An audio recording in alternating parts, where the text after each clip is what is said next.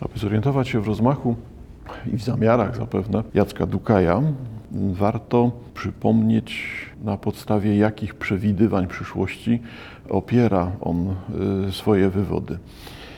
Fragment książki Dukaja po piśmie. W czerwcu 2013 roku na kongresie Global Features 2045 w Nowym Jorku Ray Kurzweil już jako główny inżynier koncertu Google'a wygłosił serię następujących predykcji, które można zarazem odczytać jako cele biznesowe Google'a i jego partnerów. I teraz następuje lista przewidywań, w jakiej kolejności i w jakim czasie nastąpią odkrycia, wprowadzenia nowych technologii i przemiany społeczne, które będą przemiany i społeczne, i przemiany wewnętrzne człowieka, które będą istotne dla przyszłości. Czyli cele biznesowe Google'a i jego partnerów. Do 2029 roku będziemy dysponowali komputerami, hardwarem i softwarem, co najmniej dorównującymi inteligencji człowieka. No, to założenie jest założeniem optymistycznym, no ale taka uwaga pojawiałaby się tutaj wszędzie. No, tak naprawdę założenie 2029, czy założenie 2039, czy 89, no dalej jest pewnym założeniem no, hipotetycznym, po prostu ciągiem założeń. Zapewne rozwój komputerów będzie następował w najbliższych latach, ale pytanie, czy 2029 rok to jest realne a nie tylko czysto reklamowe, a nie tylko czysto reklamowa deklaracja. Następny punkt. Do 2045 roku umysł człowieka będzie można w całości zapisać w postaci cyfrowej i załadować do komputera, gdzie dalej procesować się będzie bez ciała. Pytanie, czy w ogóle takie założenie jest realne? Na pewno pokazuje to kierunek części badań i to już jest ciekawe, ale umiejscowianie tego w czasie no po prostu jest, nie, nie jest realne. Tak? Zmiany, które trwają teraz, niepewność historii, która ma się wydarzać, to sprawia, że wszystkie te daty traktujemy umownie. No ale jeszcze raz, czyli jeżeli mamy dorównanie inteligencji człowieka przez sprzęt i przez oprogramowanie, no to następnym krokiem będzie przepisanie człowieka do świadomości cyfrowej. To już zaczyna brzmieć rzeczywiście jak czysta fantastyka. Następny podpunkt Dukaja. W ciągu 25 lat będziemy projektować sztuczne, mikromaszynowe zastępniki czerwonych i białych ciałek krwi, wielokrotnie podnoszące wydajność i odporność ludzkiego organizmu. Znowu nie dyskutujmy o datach, zobaczmy jaki jest kierunek, czyli wydłużenie ludzkiego życia przy pomocy jak się domyślam z kontekstu nowych nanorobotów, tych, które będą wspomagały krew człowieka. Następny podpunkt. Ciała zaś do końca XXI wieku będzie można dowolnie, kawałkami oraz kompleksowo wymieniać na odpowiedniki sztuczne. No to jest właśnie to, co jest stopniową robotyzacją czy też transhumanizmem. Stopniowe zastępowanie organów wydajniejszymi odpowiednikami sztucznymi, urządzeniami. Następny podpunkt. Nanotechnologia umożliwi tworzenie materialnych awatarów dowolnego kształtu, zamazując granice pomiędzy realem i wirtualem. Ciała wirtualne staną się nieodróżnialne od materialnych. To jest już ciekawe, ponieważ tutaj nie mówimy o dwóch rzeczywistościach rzeczywistości materialnej i rzeczywistości wirtualnej. Mówimy o budowie odpowiedników ludzkiego ciała, a raczej kolejnych opakowań dla świadomości ludzkiej. Znowu założenia bardzo ciekawe, ale pytanie, czy to nie jest element fantastyki. Esej dopuszcza tego typu działanie. To nie jest wypowiedź naukowa, jest to pewien zbiór sądów własnych zbiór pomysłów na to, jak można określić nadchodzącą przyszłość. Pytanie, czy ją określamy w dziesięcioleciach, stuleciach czy tysiącleciach. No i to już będzie po stronie autora. Następny podpunkt. Jedyną granicą dla nieśmiertelności jest nuda. Wiecznemu umysłowi trzeba się, trzeba przez wieczność dostarczać coraz to nowych bodźców. Przemysłowi przedłużania życia musi więc towarzyszyć przemysł poszerzania życia. I tutaj powoli czytelnik zaczyna widzieć, na czym polega to wyliczenie przywołane w ślad za deklaracjami Google'a przez Dukaja. Czyli nie chodzi tutaj o ściśle o cytowanie naukowców z tej korporacji, tylko o wskazanie, co w nadchodzącej przyszłości będzie kłopotem, problemem, wyzwaniem, z którym będzie musiał człowiek się mierzyć. I te uwagi będzie Dukaj za chwilę w swojej książce poszerzał, wyjaśniając na czym polega to, że granicą, jedyną granicą dla nieśmiertelności jest nuda. Skoro już osiągniemy nieśmiertelność, czy w postaci poprawiania biologicznego ciała, czy w postaci transferu nas samych na sztuczne nośniki naszej świadomości, no to dalej zderzymy się właśnie z tym. Jedyną granicą dla nieśmiertelności jest nuda. Wiecznemu umysłowi trzeba przez wieczność dostarczać coraz to nowych bodźców.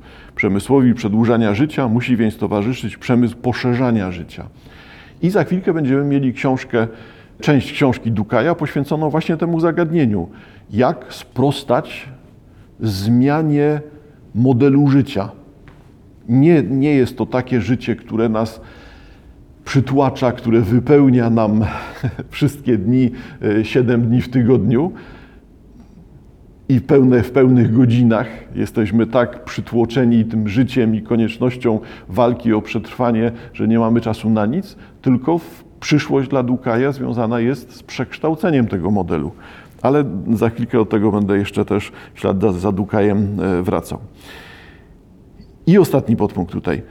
Digitalizacja i samostrojenie mózgu oznacza możliwość, jeżeli nie konieczność, wielokrotnego pomnożenia liczby połączeń nerwowych i stopnia komplikacji struktury umysłu. Kurzweil mówił o skoku o sześć rzędów wielkości.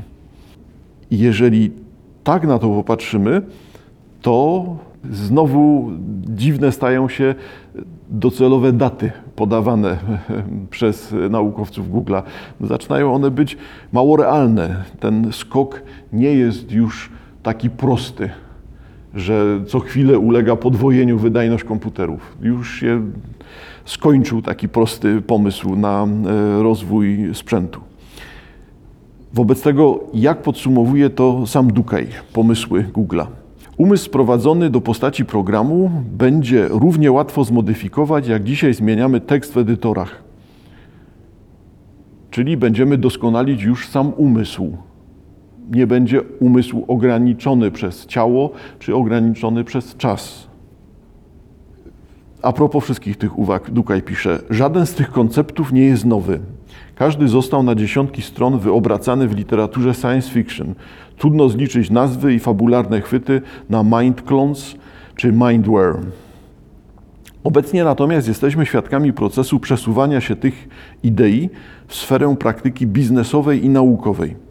Takie konferencje, wystąpienia, nazwiska i fundusze wrzucane we wspierające je firmy uwiarygadniają owe tezy, przydają im powagi autorytetu. Obracamy się pośród przewidywań i hipotez. Nie ma mowy o żadnych dowodach. Lecz oto już można o nieśmiertelności i cyfrowych kopiach człowieka mówić w poważnym towarzystwie. Już są one do pomyślenia. I to, pod, to podsumowanie Dukaja jest rzeczywiście interesujące. Nie o daty tutaj chodzi, nie o kolejność tych wystąpień.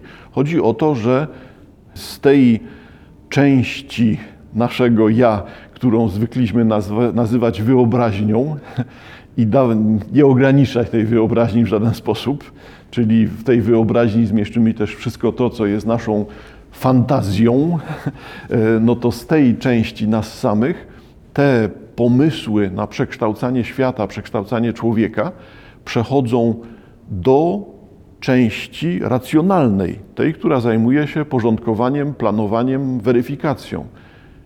Więc może nie jest to kwestia tych dziesięcioleci czy stuleci, już jestem jak widać pesymistą, tylko interesujące socjologicznie, interesujące e, dla nas, którzy zajmujemy się przede wszystkim tym, co rozgrywa się tu i teraz i tym, co rozgrywa się w głowach ludzi. Pewne, mnie zajmują pewne przemiany mentalności, przemiany wyobraźni, zmiany sposobu widzenia świata, zmiany wartościowania tego świata, który nas otacza.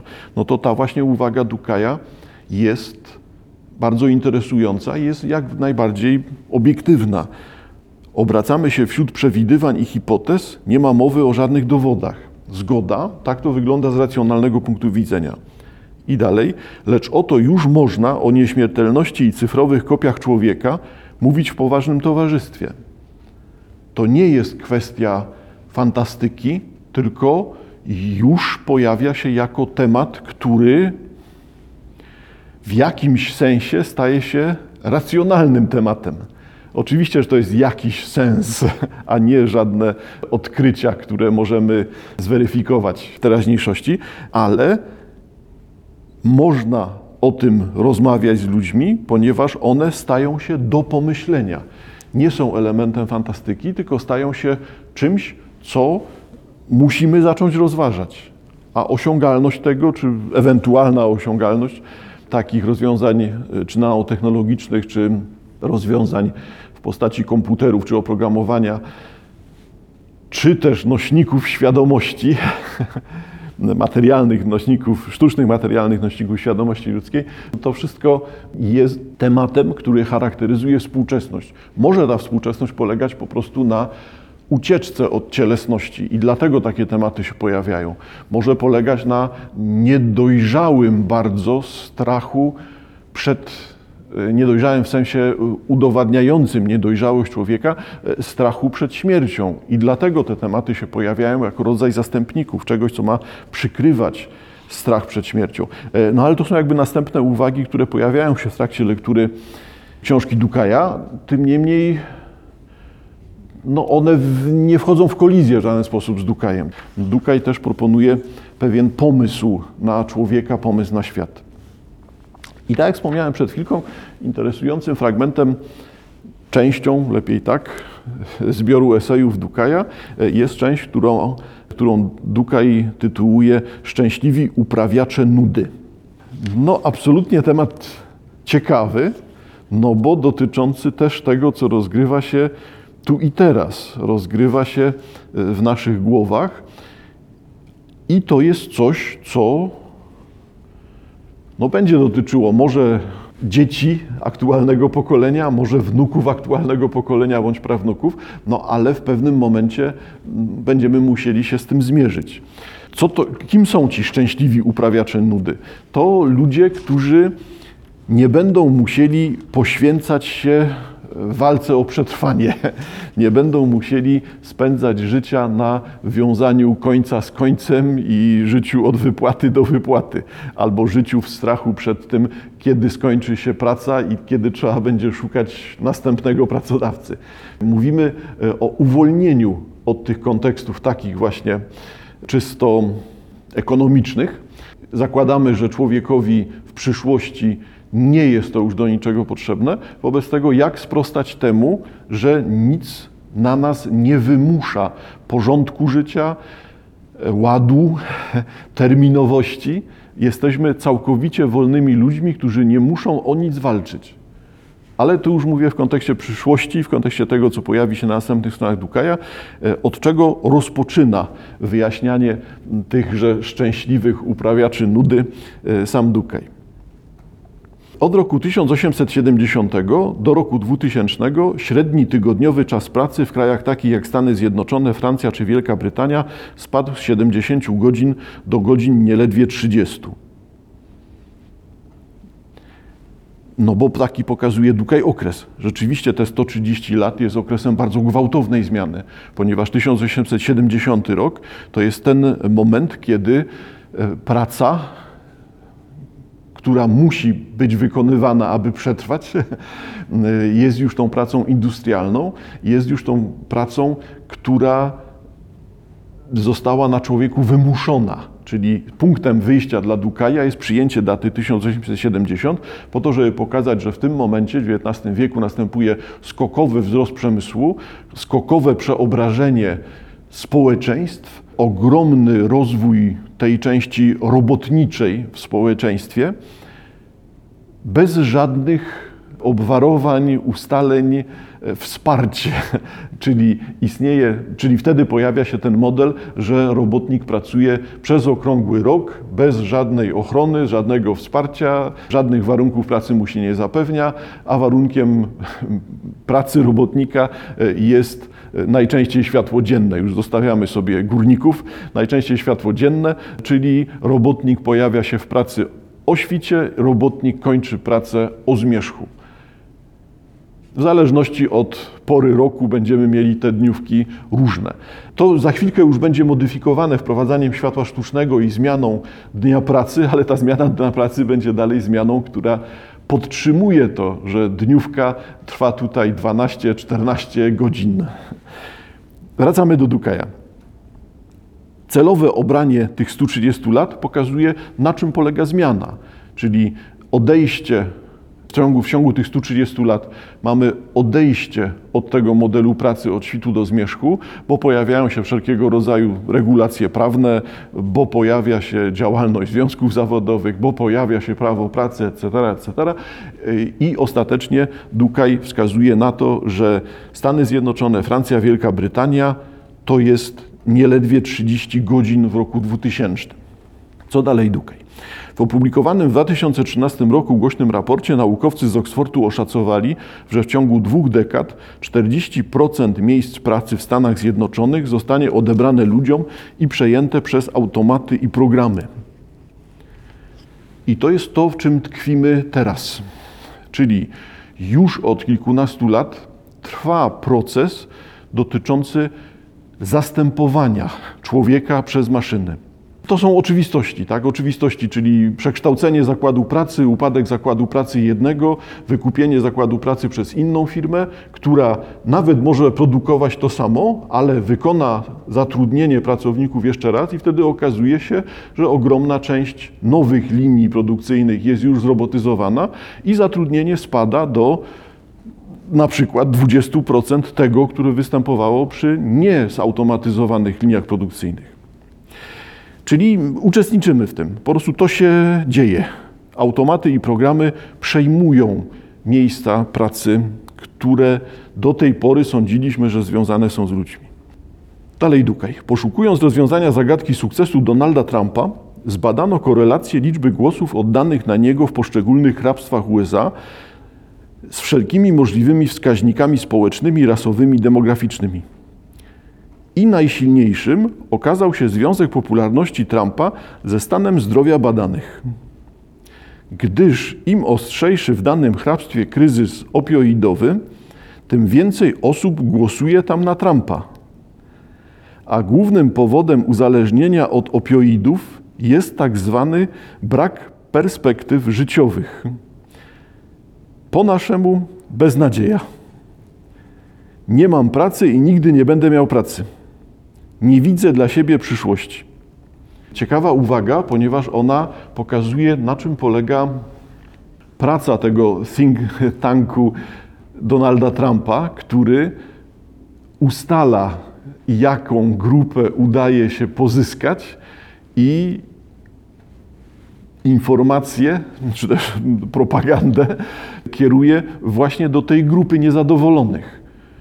Polityka współcześnie nie jest działaniem intuicyjnym. Polityka wymaga pracy zespołowej i wymaga określenia tego, jaki model polityka uda się sprzedać albo uda się włożyć do głowy ludziom. I wtedy ten model zostaje wykreowany tak, aby pasował do oczekiwań ludzi. I to jest to, z czym y, zderzałem się w swoich wypowiedziach, czy co poruszałem w swoich wypowiedziach ostatnio już wielokrotnie. Polityk nie jest osobą. Polityk jest transmisją, projekcją, o będzie lepiej, jest projekcją oczekiwań. Polityk nie jest osobą z biografią, osobą, która sama siebie tworzy. Polityk jest całkowicie wyprany, wyjałowiony startowo, następnie w to miejsce pojawia się projekcja oczekiwań wyborców. Ich sprawa cała polega na tym, żeby te oczekiwania odbiorców właściwie wpisać w pustą, całkowicie jałową osobę. Czyli patrząc na polityka, nie patrzymy na kogoś obcego, tylko patrzymy na materializację, w tym sensie urzeczywistnienie oczekiwań ludzi, którzy wybierają tego człowieka. To jest tak na marginesie tego, żeby bardzo skromnie dokonywać ocen i polityków, i również naszego społeczeństwa, bo, no bo patrzymy na to, kim jesteśmy, patrząc na polityków. Dalej Dukaj. Osoby z jasnym poczuciem sensu i celu życia charakteryzują się wyższą ekspresją genów odpowiedzialnych za przeciwciała zwalczające choroby, a niższą genów zapalnych, także znacząco niższym poziomem kortyzolu, hormonu stresu. Badanie Galupa z 2007 roku, przeprowadzone w 132 krajach, wykazało, że mieszkańcy bogatych krajów częściej przyznają się do poczucia doraźnego szczęścia, za to mieszkańcy krajów biednych znajdują w swoim życiu więcej sensu. Ciekawe przesunięcie. Jako cel badań, czy temat badań, pojawia się tutaj badanie nad szczęściem i badanie nad sensem, a przynajmniej taki wynik uzyskuje się. Czyli jeżeli jesteśmy zróżnicowani na całym globie, to jesteśmy zróżnicowani pomiędzy tymi ludźmi, którzy żyją szczęśliwie i tymi ludźmi, którzy jesteśmy podzieleni na tych ludzi, którzy żyją szczęśliwie i tych ludzi, którzy żyją sensownie, albo przynajmniej z poczuciem tego sensu życia. Rzecze naukowiec analizujący te dane. Ich cele są wyraźniejsze. Przetrwać, wierzyć. W krajach bogatych mamy tyle rzeczy do wyboru, że trudno o wyraźny cel. Tymczasem idea uniwersalnego minimalnego dochodu zyskuje kolejnych zwolenników w świecie mediów, biznesu, polityki. Jeżeli ktoś z Państwa nie pamięta, od no chyba już kilkunastu lat dyskutowana jest na świecie właśnie idea uniwersalnego minimalnego dochodu, czyli założenie takie, aby obywatel danego kraju otrzymywał wynagrodzenie za to, że jest obywatelem tego kraju. Czyli nie musi obywatel podejmować jakiejkolwiek pracy, tylko otrzymuje uniwersalny minimalny dochód. Czyli otrzymuje pieniądze, ponieważ żyje. A czy pracuje, czy nie pracuje, co z tymi pieniędzmi robi, to jest jego wybór. I to rzeczywiście jest interesujące jako przewidywana przyszłość. Jeżeli będziemy zmierzali w tą stronę, to okaże się, że część, większość z nas nie musi pracować, bo środki dla życia, dla przetrwania mamy zapewnione z powodu tego, że żyjemy, że zapewnia to ta struktura państwa mniejszego, większego, bogatszego, tańszego, bogatszego, biedniejszego, w którym żyjemy. E, co wobec tego z tego? Tą ideę z tego wynika. E, tą ideę głoszą ją politycy Partii Demokratycznej w Stanach Zjednoczonych, głoszą ją gospodarczy liberałowie i prawicowcy e, jako wyjście z pułapki upadających ubezpieczeń społecznych w starzejących się społeczeństwach. I to jest też jako pomysł tutaj. Te systemy w Polsce byśmy powiedzieli ZUS-owskie, tak, ale na świecie po prostu systemy ubezpieczeń społecznych miały bardzo różne nazwy i różne sposoby funkcjonowania, są czymś opartym na założeniu, że istnieje równowaga pomiędzy grupą ludzi pracujących i grupą ludzi pobierających to świadczenie. A tymczasem w przypadku starzenia się społeczeństwa plus redukcja miejsc pracy młodej, dla młodej części społeczeństwa związana z robotyzacją, automatyzacją, okazuje się, że tych, tej równowagi nie ma. Dalej Dukaj. E, głoszą ideę gospodarczy liberałowie i prawicowcy jako wyjście z pułapki upadających ubezpieczeń społecznych w starzejących się społeczeństwach. Wprowadzają na próbę ten Universal Basic Income, uniwersalny minimalny dochód, e, kolejne miasta, okręgi. Idea Każdemu bezwarunkowo należy się suma wystarczająca mu do dobrego życia. Nikt nie musi pracować. I dotarliśmy do tego, co już na co zwracam uwagę kilkakrotnie, jaka przemiana społeczna i jaka przemiana wewnętrzna będzie tutaj następowała w wyniku tego wycofania się z pracy, czy braku konieczności pracy. Jak to jest? Pracujemy, żeby żyć, czy żyjemy, żeby pracować? W 2006 roku rząd Wielkiej Brytanii zwrócił się do naukowców z pytaniem: czy praca jest dobra, dobra dla zdrowia i samopoczucia człowieka? Przeprowadziwszy rozległe badania, odpowiedzieli oni zdecydowanym tak. podkreślając, że praca jest kluczowa dla indywidualnej tożsamości, roli społecznej i statusu. A bezrobocie oznacza gorsze zdrowie, stres mentalny i podatność na choroby psychiczne. Horror XIX-wiecznego kapitalizmu polegał na sprowadzeniu ludzi do roli organicznych maszyn, żyjących po to, żeby pracować. Tymczasem wiek XXI, postępująca automatyzacja, komputeryzacja, globalizacja, racjonalizacja sprawia, że nadciąga inny horror, ten wykluty w dystopiach pokroju nowego wspaniałego świata Huxleya. Horror życia, które nie ma celu, w którym nie istnieje żaden zewnętrzny przymus i napęd wartości, by dźwigać się rano z łóżka, w świat między ludzi i ludzkie sprawy i wystawiać się na ryzyko niepowiedzenia, by robić cokolwiek, by żyć. Praca nie jest, nie musi być sensem ludzkiego bytowania. Niemniej przez tysiąclecia dostarczała nam świetnie dopasowanych protez wartości. Na niej to wznosiliśmy rusztowania kultury, religii, prawa, obyczaju, kruche architektury, psychę. Także po śmierci Boga i po wyrwaniu nam spod stóp ostatnich absolutów, to dzięki przymusowi pracy żyliśmy, tak na, żyliśmy nadal tak, jakby absolut przyświecał naszym codziennym wysiłkom i nabijał nam co wieczór na konto duszy punkty spełnienia. Zauważcie Państwo, że to jest znowu Dukaj. Dukaj literat. No bo ten tekst po raz kolejny może być świetnym przykładem gęstości, tego w jaki sposób e, metafory pozwalają Dukajowi na umieszczanie dziesięcioleci, stuleci w pojedynczych zdaniach e, i w jaki sposób Dukaj, eseista, zakłada, że czytelnik widzi to w tych zdaniach że te tysiąclecia, stulecia, dziesięciolecia pojawiają się tutaj w tle. Architektura, psyche wznoszona na kulturze pracy. Nie wiem, czy to do końca da się obronić, ale jako pomysł rzeczywiście bardzo ciekawe. Także po śmierci Boga i nagle jest to potężne zagadnienie dotyczące przewartościowań związanych ze śmiercią Boga, tak ogłoszoną przez Fryderyka Niczego. Po wyrwaniu nam spod stóp ostatnich absolutów, czyli po tym, jak mamy załamanie się systemu wartości tradycyjnych w ciągu ostatnich dziesięcioleci, to dzięki przymusowi pracy żyliśmy nadal tak, jakby absolut przyświecał. To tylko siłą bezwładu i wymuszonej na nas pracy, rozumianej tu jako konieczność, albo pracujesz, albo umierasz, no to dzięki temu tylko ten świat siłą bezwładu jeszcze trwał przez ostatnie lata. No to co dalej? Po pracy zaniknięciu, przynajmniej rozmyciu, staniemy wobec nagiej grozy egzystencji zawieszonej w pustce i konsumowanej przez pustkę, wobec konieczności samodzielnego tworzenia sobie sensów życia.